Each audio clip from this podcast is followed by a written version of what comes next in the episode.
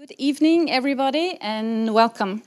My name is Teresa Grøtan, and I am head of the conversation series Verden i Bergen, which is a cooperation between the Literature House and the Organization for Nonfiction Writers and Translators. I would like to welcome Gabriel Zucman, assistant professor at UC Berkeley. We're very happy to have him in Bergen and Norway to talk about his book, uh, The Hidden Wealth of Nations, also translated to Norwegian, and it is for sale today at the um, book uh, shop in the, in the House of Literature. Um, to talk with him is Professor of Law and Economics at the Norwegian School of Economics, NHH, Tina Søreide, who's turning off her phone. um, before I let them start, I would like to mention that the next event in our series is on December 4th. The American writer and editor uh, Geoff Weissner will come to talk about Henry David Thoreau and whether we, in this time of climate crisis, have anything to learn from Thoreau's obsession with nature. That is December 4th. And finally, I would also like to mention that in, on February 17th, uh, we have our yearly nonfiction festival here at the Literature House. This will be a day with Norwegian and international nonfiction writers on a range of topics. This festival is free and open to everybody. So, back to tonight's program. Uh, Tina and uh, Gabriel will talk about his book and research on tax havens. And in the last 15 minutes or so, they will open for questions from you. So um, please enjoy and thank you all for coming. Well, thank you very much. I'm very delighted about this opportunity to meet Gabriel Zucman. I just told him that everyone I know knows who you are. You have got really so much attention to this uh, very highly relevant policy um, research. Um, you have written a book uh, about how, um, about where you explain why our financial systems have allowed the rich uh, to become super rich in high speed um, and how international solutions fail in their attempts to reverse this trend. Um, the situation you describe in the book is really scary, um, with hundreds of tax billions lost to governments every year. And at the same time, the, uh, the problem seems too complex and intangible for a majority of voters to gather their full attention and mobilize the dem democratic force needed for change. So, uh, in this discussion, we will address what this problem is really about, um, what might be functional and fair solutions, uh, and in the end, why is it so difficult to implement these solutions? Now, um, so the first question, what is this problem about? And I was looking at some book reviews, including by the Wall Street Journal. And the Wall Street Journal uh, uh, claims that um, they start by saying that um, France is a country that is now producing a crop of economists famous chiefly, chiefly for lending an empirical veneer to petty jealousy. so, Gabriel uh, is this, um, are you talking about a real problem here, or is it just primarily uh, French economists who are jealous and, uh, and uh, not able to accept inequality? Well, thanks, Tina. That's a great question. That's a great way to start. Uh, first, thanks to uh, all of you for being here tonight. It's a, it's a great pleasure to be in uh, Bergen today and to discuss these things with you, and I very much look forward to uh, the conversation. Um, so, no, of course, it's not petty uh, jealousy. You know, we live in societies where governments basically take about half of all newly created wealth every year in taxes, and they redistribute uh, half of all newly created wealth. That's what our governments do. You know, the ratio of tax to GDP in a country like Norway, 50%, the same in France, a bit less in the US. And so when there is a, a government like that, it's essential to have good data about uh, how income and wealth are distributed, who pays what, who could contribute uh, more or less, who receives what. So it's, it's absolutely essential. It's essential for uh, democracy. Uh, it's essential for, for, for the public. Um, and the problem is that uh, there is uh, a lot of opacity about these things, and in particular about the distribution of wealth. So in a country like Norway, uh, things are more transparent than elsewhere. But in most countries, we know extremely little about how wealth is distributed. And uh, for all countries, including for Norway, there is this big problem that a growing fraction of wealth is actually held in tax havens uh, through shell corporations in Panama, in the British Virgin Islands, uh, trusts and foundations and holdings, which all uh, make it harder to uh, trace wealth to its ultimate owners and eventually to have a good measure of who owns what, who can pay uh, what. So it's important to look at these things, to try to quantify them.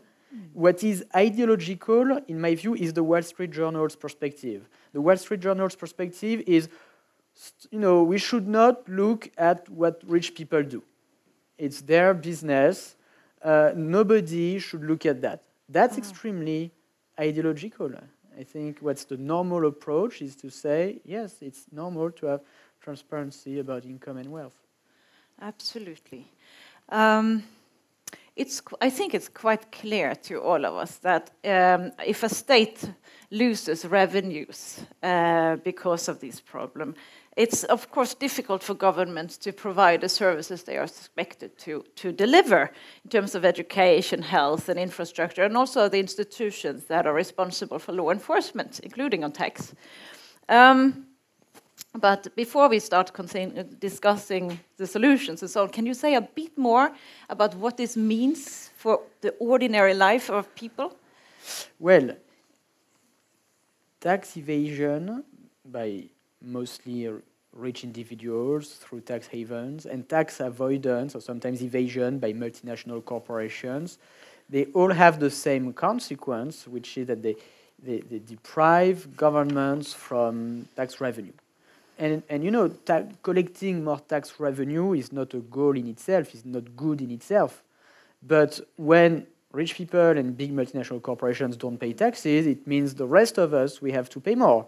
Or we have to spend less on you know hospitals, schools, roads, and so on. And the, that's at the heart of the problem of globalization today. So globalization increasingly means fewer taxes for the wealthy, less taxes for multinationals, less taxes for people who are mobile, uh, less taxes for those who can uh, pay accountants, lawyers to, to hide their wealth, and more taxes for retirees, more taxes for the working class, more taxes for the middle class. And it's clear that globalization has no future if, if it means ever lower taxes for the wealthy and multinationals and ever higher taxes for the rest of us. And you know, me, I, I, I am a pretty uh, classical economist. I like free trade.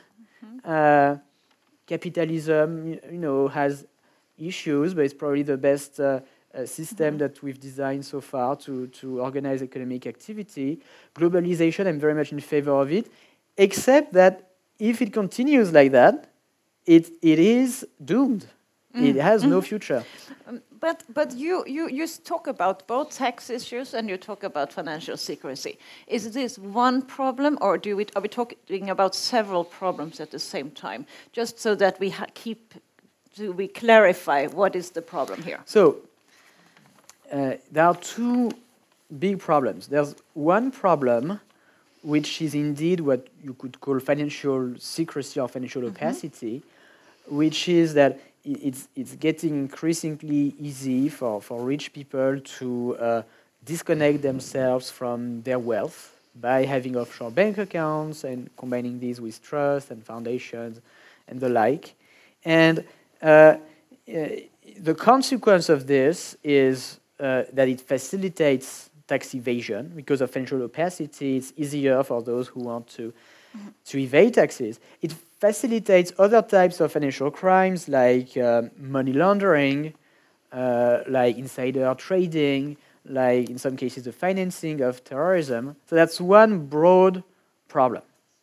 Um, the second problem, the second big problem, is um, the, the, the specific question of uh, the taxes paid by corporations, in particular multinational corporations. So we, we've seen this trend over the last few years. It's really a relatively recent phenomenon, maybe dates back to the mid 2000s, of, of big multinationals paying uh, less and less taxes as a, as a fraction of their profits. Their, their effective corporate tax rate falling a lot. They have spectacular cases, for instance, Google, Alphabet, uh, one of the biggest companies on the planet, in 2015 made 15.5 billion dollars uh, in profits in Bermuda, uh, a, a tiny island in the Pacific where absolutely nothing happens and where the corporate tax rate is zero percent. Okay, and and uh, the same is true for uh, Apple, for Amazon, etc., etc. And the problems go way beyond the the, the digital uh, industry. It concerns all multinational companies. Okay, so let us move a little bit to the solutions that you propose in your in your book, and and and we can separate between the financial secrecy part and those, and and specifically on that, and not all the consequences of uh, in terms of the crime and so on, but what because, and then afterwards the taxation. In in your book, um, you you. Um, express some frustration uh, that current initiatives all rely on, uh, on the integrity uh, of those who work in banks. And uh, you, because you suggest a global financial register. Uh, that is one of your key uh, recommendations to keep track of who owns what in the world of finance. So, what makes you believe that the officials that manage that register will have a higher integrity than those who work, the bankers. And how on earth uh, can you believe that people and governments will want to support a register um, with monopoly oversight of what citizens and organizations own?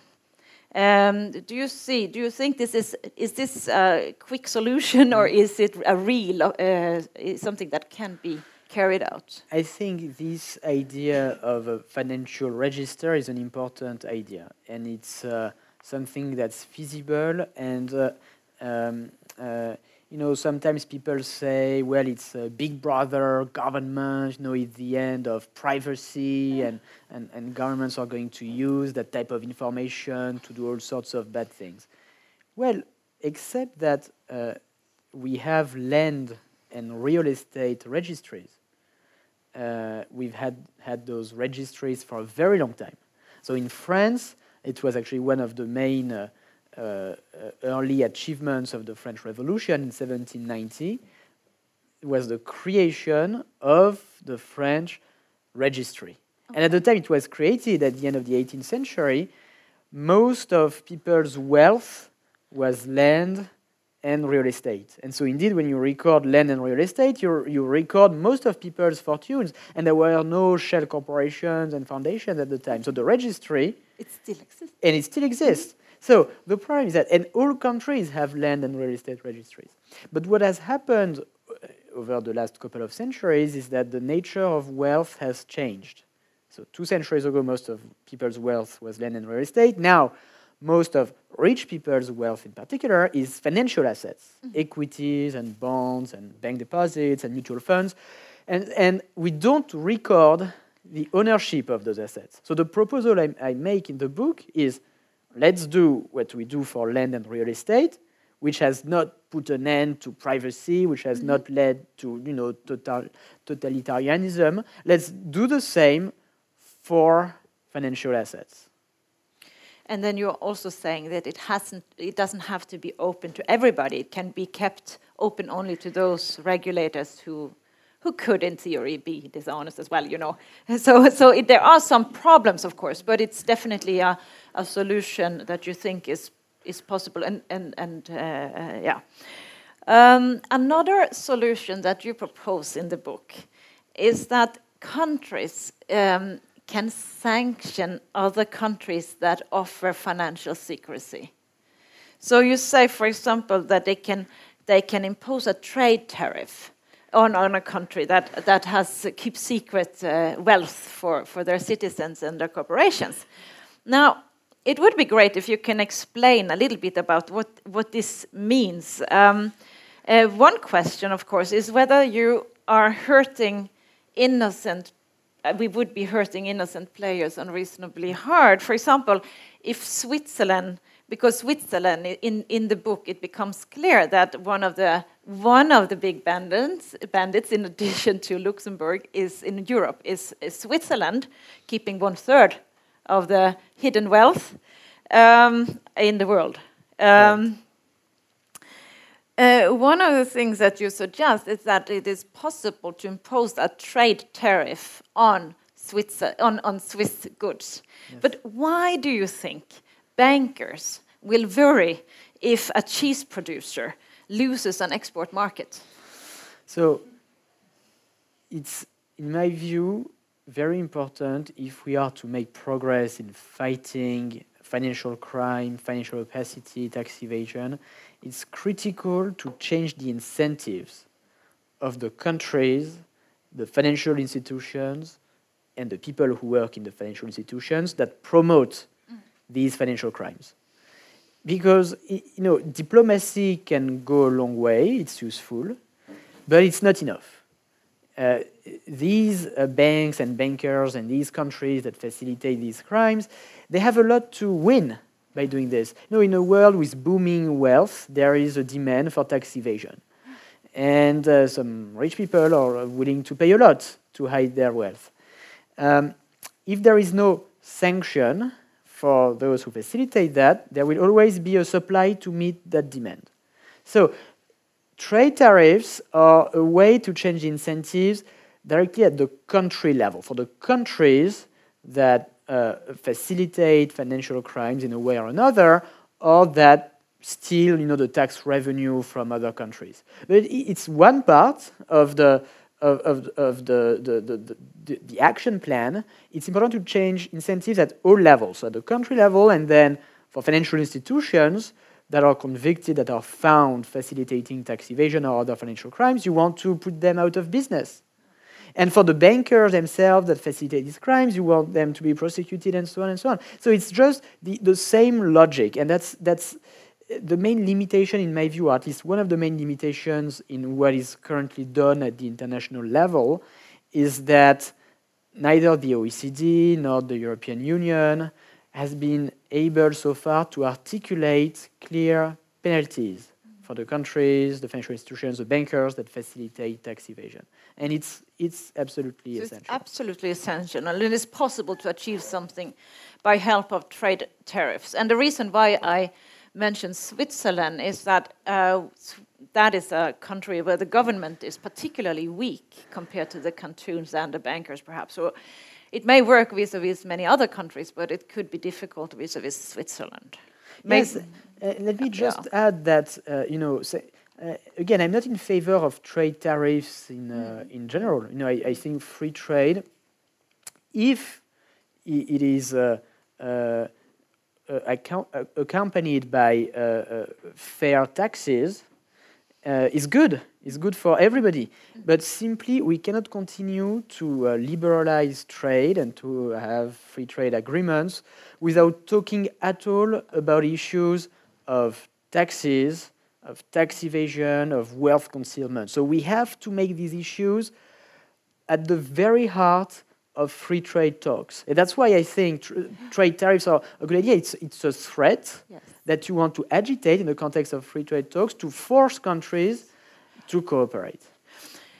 Um, and also, I just want to, uh, we should also uh, go a little bit into your main solution, one of your main solutions when it comes to taxation.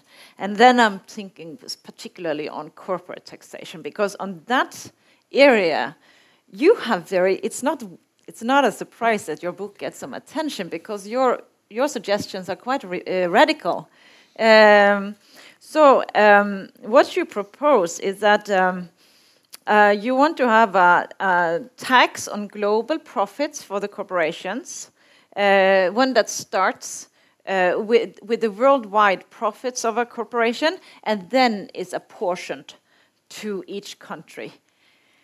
Um, do you plan to take away uh, from governments one of their key areas of political sovereignty?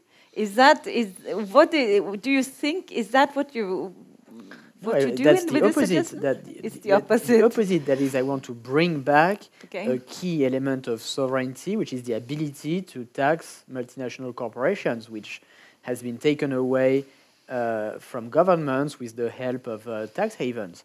So that that's extremely important because you, you might say, you know, a World Financial Register, it, it will never happen. It requires a lot of international cooperation, and indeed, it requires some cooperation. And indeed, it's a it's an idea for for the medium run, let's say. Mm-hmm. It's not for tomorrow.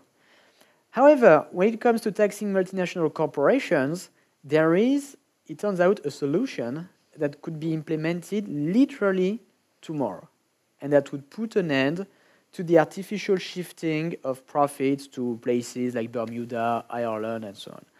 So, just to, to it's, it's very clear to, to that, that everybody understands uh, uh, this. So, just to make things clear, so what happens right now is that multinationals uh, uh, shift about 40% at the global level. 40% of all the profits they make in a current year, they manage to book these profits in basically zero or almost zero tax countries Bermuda, Cayman Islands, Ireland, where the, the nominal tax rate is 12.5%, but in practice it's you know 1 or 2% for multinationals. Netherlands, Luxembourg, Switzerland, and so on. So 40% of all the profits of all the multinationals in the world. It was, you know, 5 or uh, close to 0% uh, 30 years ago. So that's a huge problem. That's uh, the equivalent of 600 billion euros each year that are artificially shifted to tax havens. So that's the problem. Uh, it, de it, concretely deprives governments from a lot of revenue. So, uh, for the European Uni Union, for instance, the revenue, the tax revenue uh, loss is the equivalent of 20% of all the corporate tax revenue uh, of the EU. So these are big sums. So that's the problem. Now, the solution. And I want to make sure that everybody understands the solution. So the solution is, let's take an example. You take a, a multinational like uh, Apple. And, and uh, let's take a country like Norway. Let's assume, okay, Norway tomorrow wants to tax Apple properly uh, and, and put an end to tax avoidance. How could Norway do it? Norway could say, well, we are going to ask two things from Apple we are going to ask them, tell us what's the amount of profit that you make globally. And that's actually known. That's published, you know, in financial statements. That's not okay. you, you, cannot manipulate that. You have to tell your shareholders we are making a ton of money. Yeah, they make a ton of money. Fifty billion dollars. They don't hide it. That's that's great. Okay. So that we know. Second, Norway needs to ask, okay, please tell us what's the fraction of your global sales that you make in Norway. And that is very easy to know. Norway, you know, can compute it because already with VAT returns, we know what's uh, the, the value of the computers and the digital services that Apple sells in Norway. So that we know, and the global sales of Apple we know. Um, and then, so the Norwegian tax authority could say, well, we're going to say if, if you make $50 billion in profits globally, and let's say 1% of your global sales are in Norway, then 1% of your global profits are going to be taxable in Norway. So, mm. in my example, $500 million. That's the tax base. And then Norway applies whatever rate it wants on that base. Okay, so that's what I call in the book, you know, it has an ugly name, but it's a very simple idea. It's called formula apportionment because you use a formula to apportion the profits of multinational corporations across countries. And here the formula is very simple. It's just a fraction of the sales that you make in each country. So that's, th that's the proposal. And let me tell you just two things. First, why it's great, and second, why it can be done tomorrow. Okay. So, why it's great? It's, it's very simple to understand. Right now, multinationals can shift their profits to Bermuda, but they cannot move their customers to Bermuda. The customers are here in Bergen, in Oslo, in Germany, in France. And so there's no way to avoid the tax. Make profits at the global level, you make sales in Norway, there's no way to avoid the tax. We know that it works because US states like California, New York, they have their own state corporate tax, and that's how it works with sales apportionment. And it works very well. So this reform, imagine if Norway does it tomorrow, then it's going to collect much more revenue from all these multinationals that avoid taxes. And there's no way to uh, you know, avoid taxes. So that's the end of this big game of profit shifting with accounting firms manipulating transfer prices and so on. All of this disappears from day one. And that's, that's nice. That's a nice feature. Second, why it can be done literally tomorrow. The reason is you don't need the permission from anybody. So Luxembourg is not going to like it. Bermuda is not going to like it. But who cares? We don't care. You know, even a, a EU member state like France do. could do it, you know, on its, on its own. Alone. And so I look forward to the day where one country will do it. I, maybe, I hope it will be Norway. Norway will pave the way and will say that we are going to do it. Look, and then the other countries in the world, they will see it works. And it can go very fast, you know, like that. We can fix this problem of multinational corporate tax avoidance, I think, in just a few years. I count on Norway. I count on you. so, um, you have you have described. We have now also discussed three three um, of your solutions that you, you make them sound very, very simple. We just put in place a global financial register. Uh, countries that are uh, suffer from financial secrecy, then they don't get their taxes and, and other forms of problems. Uh, they can impose tra uh, trade tariffs on, on, on, on their uh, the financial tax havens and financial service providers.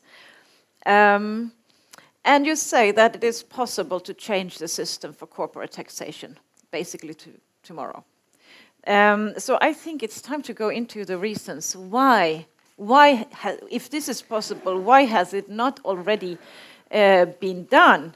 Um, uh, so, so uh, you. Um, so, so in, in your book, you describe an evolution in Europe where governments have created or condoned uh, a system that allows, as I said in the beginning, the richest to, to, to uh, become richer and also operate with nearly impunity. Um, so, so, in, so, so, what are the what are the reasons that we have we don't have a dysfunctional system, or do you think do you think it is an unforeseen consequence, or do you think it is designed on purpose? You know, I'm, I'm not as pessimistic as, as many people are. For a very simple reason is that I, I see progress. I see that progress has been made already uh, over the last 10 years. So when I started my, my PhD studies in 2009, when I started looking to these questions, there was no exchange of bank information at all between tax havens and other countries' tax authorities. So it was extremely extremely easy to evade taxes. You just open a bank account in Luxembourg, in Switzerland, anywhere. Uh, you put money there, you earn interest and dividends, you don't report this income on your tax return, and that's it. Nobody will ever know. And, and tax evasion was straightforward. Now, what, things have changed a lot, you know, over the last uh, eight years. Uh, today, we are starting a process of global automatic exchange of bank information between tax havens and other countries. So now, in principle, Swiss bankers, starting next year, will have to report every year automatically to the Norwegian tax authority about the accounts that belong to uh, their Norwegian customers. So, in terms of uh, changes in the, in the law, it's a radical change. It's a major progress. And it's happened relatively quickly. And, and, and I remember very clearly when I started, you know, studying these questions, talking about these questions, and, and I said what we need is a global automatic exchange of bank information, and then people would look at me like I was crazy, it will never happen, that's ridiculous, that's a pipe dream, it's, uh, and now it's reality. So things happen, and, and progress happens. Um, of course, there, there is, uh, despite this progress, uh, still a lot of problems and still a, a, lot that needs to be done, and we and we've discussed uh, and we've discussed that. Um, one issue, one, one, one of the reasons why there's been so little progress in many areas is that uh, within the EU, uh, all countries, including unfortunately the, the tax havens like Luxembourg, have a veto uh, power when it comes to tax matters. And indeed, Luxembourg for a very long time has uh, uh, uh opposed the automatic exchange of bank information, and now they oppose uh, reforms of the corporate tax. And so uh, there are two possibilities. One is we can wait, and indeed we've waited 15, 20 years for the automatic exchange of bank information, and it has happened eventually. So, okay, we can wait. The problem is if we wait 15, 20 more years to make progress uh, on multinationals, there is a real risk that it will be too late.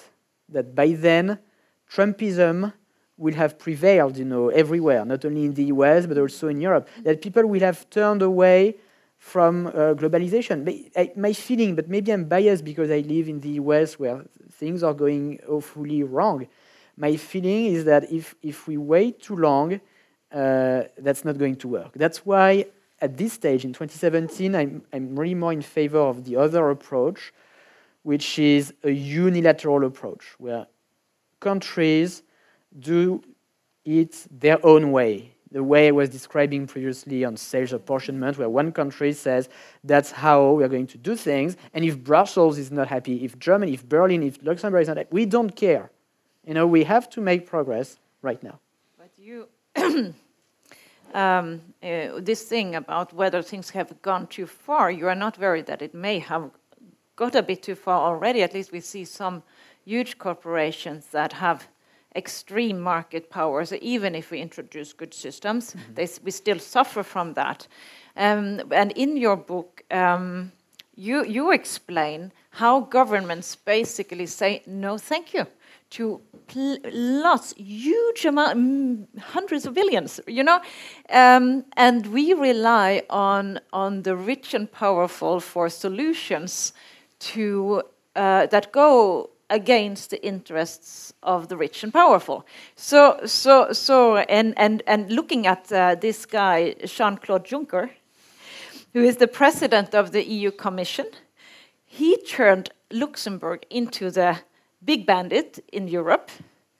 Uh, he was the prime minister in Luxembourg from 1995 to 2013. Um, and he did what he could to prevent the European Union in introducing efficient solutions. And then, in response, the European countries gave him the most powerful position in Europe. what does it tell you about the atmosphere for reform? So you, you, you have these messages in a bit simple solutions, governments that choose not to, to address them. Um, so I think we, so, so that is, uh, so, so, so I'm, I'm very glad that you point at these um, uh, developments that we see, and I'm following them a bit as well. Um, but uh, can, maybe you can talk a little bit more about how these next steps for solutions should should happen, because I, if we don't see any country that starts changing the way you say, um, what what should we expect? What can we? What will happen? Um, you know, at this stage, it's clear I'm not uh, extremely hopeful uh, that the European Union is going to, to lead the way for the reason that you mentioned. Uh, I'm, I'm, not hopeful that the US is going to lead the way because although the US has done a lot under the Obama administration to uh, fight tax havens, now there's a big backlash and the new administration is doing the opposite. But two things. One is in that context, the, the, the, the main way to make progress is to have individual countries or small groups of countries, small coalitions of countries, doing things their own way. Okay? And if Jean Claude Juncker is unhappy, he's unhappy. But that's his problem, we don't care. You know, that's uh, at, at this stage, that, that's what we need to do. Even if, frankly, even if Norway, I'm, I'm truly convinced that if Norway did sales apportionment next year, mm -hmm. It would really change uh, uh, the politics in the EU. There would be a concrete example yes. where one country does it, it works, and and and and you know the second thing is that things change. You know, after Obama, you have Trump. Maybe after Trump, you'll have Bernie Sanders. Mm. Uh, after Jean-Claude Juncker, you know, who knows? Maybe yes. we'll have someone who uh, is in favor of uh, taxing multinationals and financial transparency. So I, I'm, I, I, I'm optimistic not because I'm, I'm naive, but just because I, I look at history where things happen. And also simply what you said that by if, if the way you explain solutions, it may actually may governments realize that it is possible and also possible to do it alone or, or with a coalition of other countries. Um, and I just want to go a little bit into this international collaboration for, for reforms, um, uh, because this is a key area for, for, for, for, progress. And we have also seen that some of the reforms in this area come from, from the OECD and the FATF, Financial Action Task Force, that is uh, closely connected to the OECD. Now, um, in your book, one of the things that a bit annoys me uh, is um, is the way you. I think you do secrecy-friendly governments a favor when you uh, frequently you refer to the OECD as an institution that have come up with solutions, um, because nothing leaves the OECD unless there is a majority vote. So the OECD is simply an arena for collaboration between countries. And uh, when there are bad solutions coming from the OECD, it's because it has been vetoed. The good ones were vetoed down, or a majority of countries wanted them. So, don't you think it is necessary to to put more attention to or, or, or spotlight a bit mm. those countries that have voted against good solutions, so that at least people can understand where they should uh, place their anger and so on, and, and, and spur some democratic debates. Well, the problem is that oftentimes we don't know. You know, these votes, they're all secrets, you know. Uh, in the case of the OECD, it's probably known, but for mm-hmm. instance, in the case of the EU, mm-hmm. you know, the, when the finance ministers meet to do EU tax policy, mm-hmm. uh, and where uh, every minister has a veto right, that's secret. That's not mm-hmm. even, you know, you don't know who votes for what. So, so that's one problem. Now, I'm not used to usually defending the OECD, but I, would like to defend the OECD tonight because you're telling me, well, they are partly captured by uh, these member states that are uh, uh, tax havens themselves. Well, except that now the OECD is the uh, organization that has uh, done all the work on the common reporting standard, so the automatic exchange of bank information. And it's true, you know, 10 years ago, you talked to people at the OECD, you, you told them, what you need to do is automatic exchange of bank information, and they would tell you that you know that's ridiculous. That, mm -hmm. that will never happen.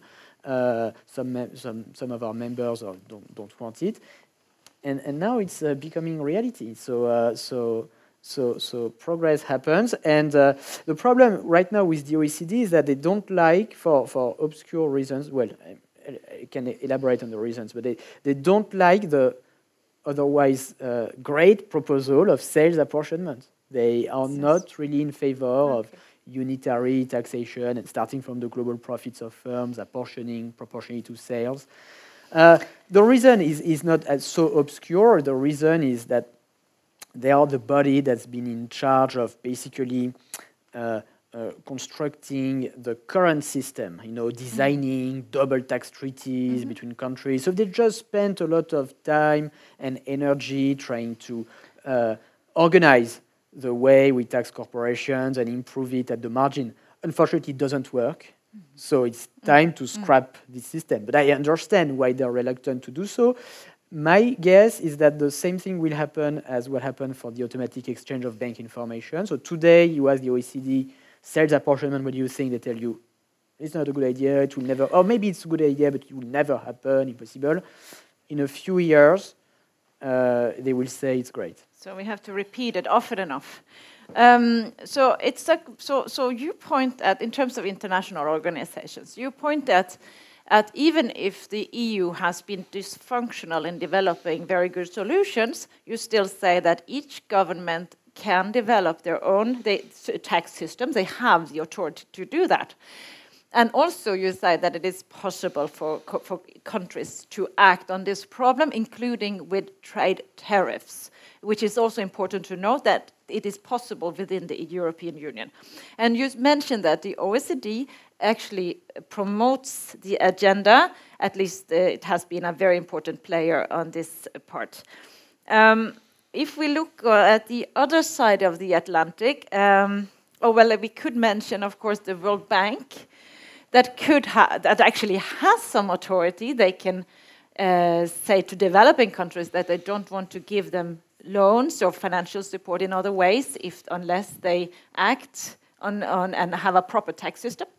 Uh, but when it, I was wanted to ask you about the United States, gov the government of the United States, because even within the OECD, even if the headquarters is in Paris, it is extremely important what the United States wants and does and votes and so on on, a number of policy measure, uh, mechanisms. I happen to know that. Um, and in, in your book, you explain that uh, the United States is the only country that has introduced a system that imposes penalties on tax havens that fail to provide relevant information. This FATCA, FATCA legislation.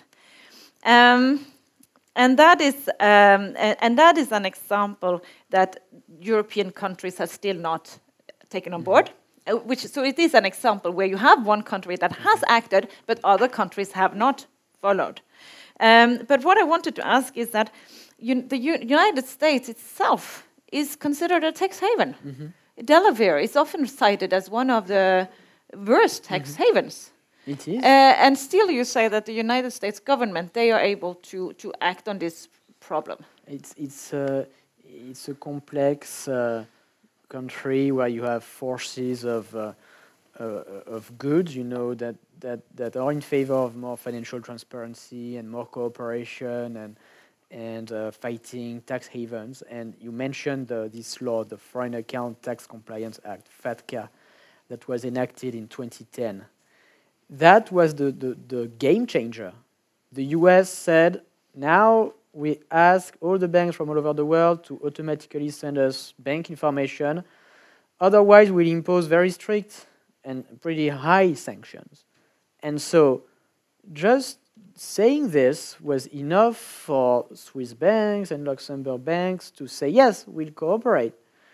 And then, because they agreed to cooperate with the US, they had no choice but to cooperate with uh, other OECD countries. So the US, the FATCA law was the big game changer. Mm -hmm. And uh, uh, so that's one thing. And on the other hand, in the US, you have forces of, uh, of, uh, of, regression and, and mm -hmm. people who just want to turn the US into a tax haven. You know, mm -hmm. that's the that's the Trump platform. You know, it's yeah, make yeah. America a big tax haven. You know, let's cut the corporate okay. tax let's uh, promote financial opacity and financial secrecy. And so right now they have the power. but uh, things can uh, uh, things can and hopefully will change. Yes, um, and I think that if the United States wanted to to have this system of a apportional taxation of corporations, we would also see some changes in the OECD. Mm -hmm. And also, if we believe that the, uh, the government that is imposes uh, trade tariffs on other countries, um, if, if we think that will happen, um, uh, then we have to then we implicitly rely on the government to have that influence. But in the United States, we see that they do act in the way you suggest, but they still happen to allow tax haven. So it's a kind of hmm, complex. It's a, we have some contradictory uh, solutions and, uh, well, expectations, I would assume. Uh, but now I just want to, because I want to, to, to hear what uh, people here in the audience think about these, think about this, uh, these solutions, and, and if you have other questions that you want to raise uh, with Gabriel.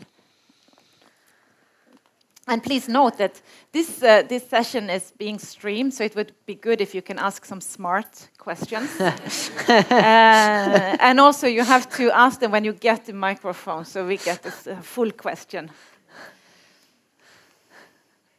Yeah, here you have a smart question. um, so when you talk about formula apportionment, you do uh, you talk about the sales formula apportionment. Don't you want to balance it on other uh, issues such as uh, number of employees? Yes, but that's a very important question. So, what do you want to put in your formula? Uh, I, I believe you want to put sales only for the following reason. If you put the number of employees or the stock of capital in your formula, what's going to happen is that you give incentives for multinational companies to move real activity, to move headquarters, to move factories to where taxes are low. In some sense, it's even worse than the current artificial shifting of profits because right now it's artificial, which means that multinationals don't move factories all over the world. They just move accounting profits in Bermuda, but nothing happens in Bermuda. Now, if you put payroll and capital in the formula, then you're going to see more real capital mobility. And that's potentially at a, an even higher cost for countries like Norway or for the EU or for the US.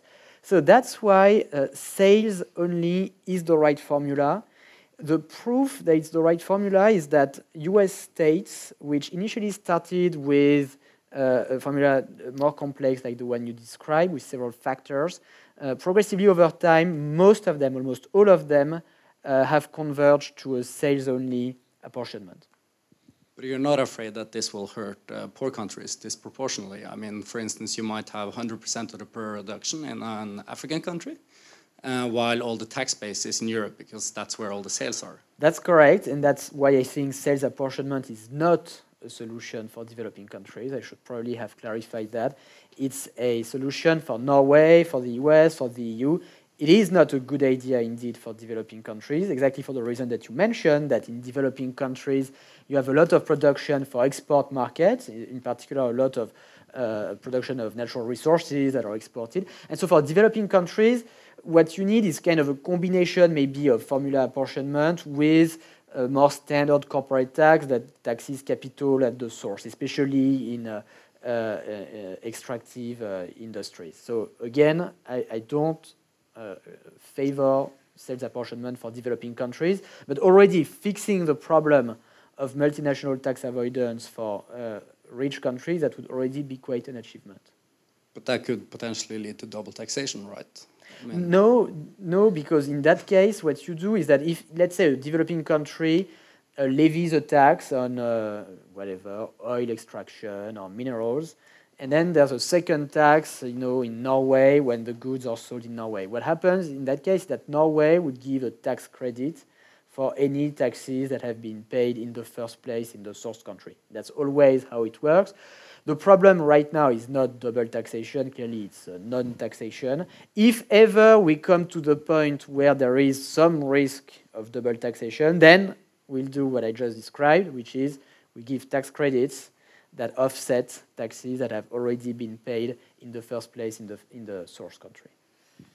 Thank you for a good answer. Other questions? I w- okay. Uh, you pointed at uh, trying to put the spotlight on uh, countries that uh, veto good suggestions in the uh, OECD. Uh, should we put more spotlight on uh, companies and firms that uh, help avoid taxes, like the PwC that tries to put whistleblowers in jail in Luxembourg, for example? I think the PwC and the Big Five, and we just should put them out of business concretely by doing sales apportionment. You do sales apportionment, it's you know it's over. Their business is uh, the, the the whole business of transfer pricing just closes. You know on day one. There's no point anymore in uh, in manipulating transfer prices. So it's the it's the best. Is that's that that's my answer. But I agree with you that um, that uh, you need more transparency, obviously, on uh, where multinationals uh, uh, make profits and sales and, and employ people, and country by country reporting is very important. And there's been some progress in this area over recent years, and that's that's good. Uh, you want more transparency on the kind of uh, tax schemes that uh, the the big four and and uh, law firms design on behalf of their clients. And also in this area, there is some progress with the European Union is trying to ask the, uh, these firms to automatically provide to tax authorities whatever tax schemes you know they design for, for their clients. So all these things are important, are necessary, but are not enough. You know, it's, it's good to, to, to have more information, but we already know that Alphabet made $15.5 billion in profits in Bermuda. We already know that. We know that they employ nobody in Bermuda, maybe two or three people. So the information is there. What's even more important than collecting extra information for that specific problem of multinational tax avoidance is formula apportionment based on sales. It's just changing fundamentally the way we, we tax corporations. And, and Gabriel, maybe that is something that you can explain a little bit more because in your book you spend some space on transfer pricing. And, uh, and there is a particular reason why, why these uh, categories of, of uh, um, tax evasion facilitators will go out of business because there are certain goods that are, e that are not becoming relevant. And, and transfer pricing is also leaving out, well, the, the solutions that you suggest um, uh, make it impossible to benefit from from transfer pricing on some yes. of the assets that are extremely difficult to control, such as patents and yes. and, and certain technological solutions and uh, services and so on. So Can you explain this a bit yes, more because it's a key issue? Absolutely, I totally agree with you. I should have explained that uh, maybe more clearly. What, what with with sales apportionment. Uh, it becomes completely irrelevant the, the price at which uh, subsidiaries of a given group trade goods and services internally. So all intra-group transactions become completely irrelevant. And if Google wants to put its intangible in its Bermuda holding, they can do it. As that's not going to affect in any way the tax revenue collected by Norway because everything is determined in the system I described by the location of the final customers. So transfer prices become irrelevant, and transfer prices are the, the prices at which subsidiaries exchange goods and services internally. And maybe you should also explain why that is a big issue. And today. that's the that's the way that's how profits are shifted to tax havens, that is, subsidiaries uh, in high tax countries, they import at artificially uh, high prices, you know, to generate losses. And uh, subsidiaries in low tax countries like Bermuda, they export at artificially high prices to generate profits where they are not taxed. Now, all of these things, you know, you have to realize that the, the, the tax system that that we live in for corporations, it was created a century ago. in the 1920s when the League of Nations, the ancestor of the United Nations, uh, was a bit worried, like you, by potential double taxation. And so it asked four economists to design a plan to uh, uh, tax multinational companies, to, to, to prevent double taxation. And these four economists, they did the best they could, but frankly, they did a, a relatively lousy job, you know, in retrospect. Uh, nobody cared for a long time because in the 30s, 40s, 50s, the globalization retreated, and so the rules that they invented only applied to a very small tax base. But now uh, that globalization is back, we realize that the principles they came up with are just not good. And this idea that uh, we should determine the tax base by letting subsidiaries of a given group trade goods and services between themselves as if they were independent entities, which is absolutely not the case. They are not independent. They're part of all, you know, Google or Apple. So it's a pure fiction. This fiction uh, simply makes no sense at all and uh, makes it way too easy for multinationals to manipulate the transfer prices, to shift profits to where taxes are low. And the proof is that, as I told you, 40% of all the profits made by all multinationals globally are now booked in, uh, in tax havens.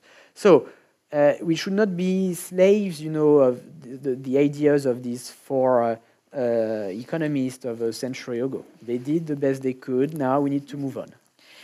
Well, um, it's extremely fascinating the way because we have global financial markets, uh, global uh, systems for so many things. And do you use propose uh, that it is possible for a country to change the tax regime completely for corporations? This is a complete turnaround what you propose, and and you say it is possible to do for one country alone. Uh, that's quite amazing. But one of the things with what you say that that I think you need to defend a bit more, or, or and that leaves me a little bit uneasy, is this um, different solutions for developing and developed countries. Um, because um, it's extremely difficult to classify countries. We don't have two worlds anymore. And we uh, and it's and and uh, we have poverty in uh, in Europe, we have uh, rich segments of populations and, and well-functioning industries in, in what we consider developing countries.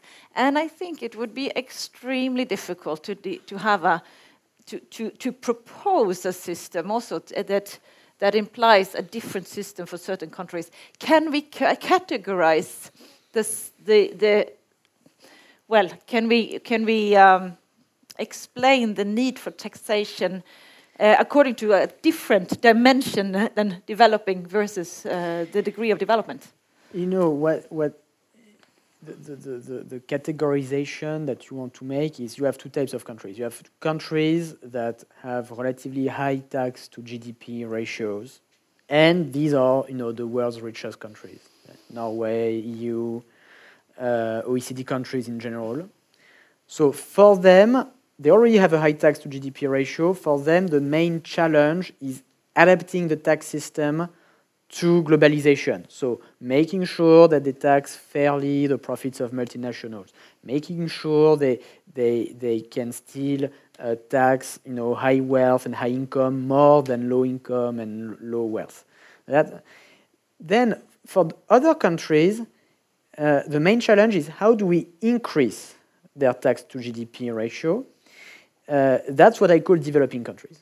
Okay, but the questions are slightly different. Now, for developing countries, uh, there's a question of how do we transition from a tax to GDP ratio of 10, 15, 20% to a tax to GDP ratio of 40, 45, 50, which enables the state to invest in mass education, in health, in public goods that correlate strongly with productivity, with growth, and with well-being. So that's the fundamental challenge for those countries. Uh, the problem is uh, the way that uh, we've advised them to do so for a long time, especially international organizations in Washington, D.C., the World Bank, the IMF, have told them, look, don't try to tax income including corporate income, corporate profits. Don't try to tax wealth. Don't try to have progressive taxation. Instead, you should do sales taxes, VAT. And so for years and years and years, they've repeated this and they've sent teams of economists to, to explain to those countries how to create a sales tax, a VAT in great details, and so on. And uh, the main problem is to, is, is to change this, uh, this uh, set of mind because all the countries that have achieved a high tax to GDP ratio and that have become rich, they've become rich uh, thanks to progressive income uh, taxation. You know, it's not the case that we only have VATs and sales taxes. Mm -hmm. Income taxation is fundamental mm -hmm. to, to reach a certain level of, uh, of tax revenue and a certain level of development. So that's the key challenge for developing countries.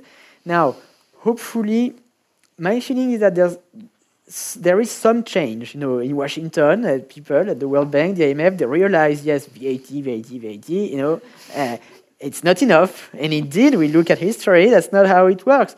And uh, maybe we should uh, in, invest in uh, uh, explain, you know, in, in, learning about how to design proper income tax systems and proper corporate tax systems. Maybe you know, estate taxes, progressive taxes. These are countries that tend to be to have extremely high degrees of inequality. You know, think about South Africa, Brazil, some of the world's most unequal countries. Progressive taxation is key uh, for them.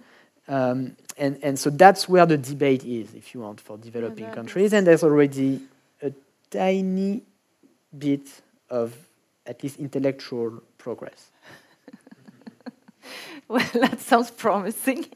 it sounds like we still should keep the World Bank tax advisors out of Africa.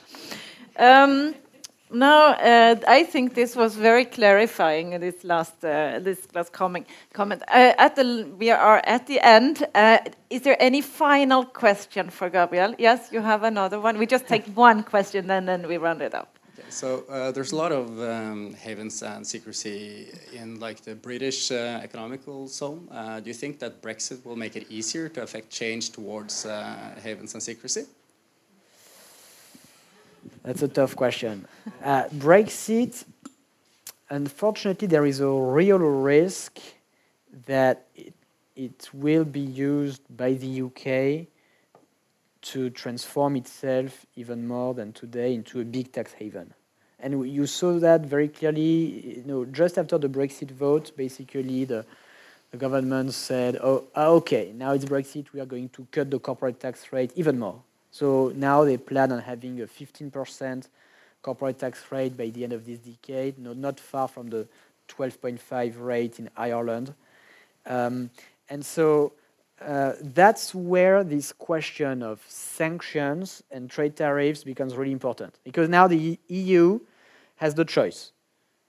If the UK goes uh, full tax haven, which they are going to be tempted to do, you have Goldman Sachs, uh, Morgan Stanley say, oh, we might move to Frankfurt, you know, we might move to Paris. So it's clear, it's a kind of blackmail, you know, what can you do for us? Uh, can we have lower taxes, lower regulations to stay in London? The temptation is going to be great, uh, enormous for the UK to say, okay, now we give you lower regulation in the EU, lower taxes, whatever you want. Please stay everything now depends on what the EU is going to say. If the EU says, okay, you know, you do whatever you want, you've left the EU, then it accepts to have a huge tax haven just on the border of the EU, and that's going to be uh, pretty bad.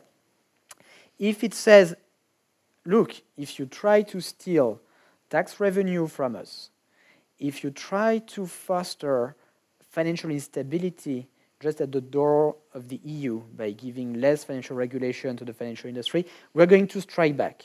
And that's going to be trade tariffs for you. That, that's, I think, I hope it will be the approach, but in my view, that's the main debate you know, about Brexit. It's what's going to be the stance of the EU and are they going to be willing to oppose the transformation of the UK into a big tax haven? If they are willing to oppose that transformation, then the UK won't, you know, you won't do it.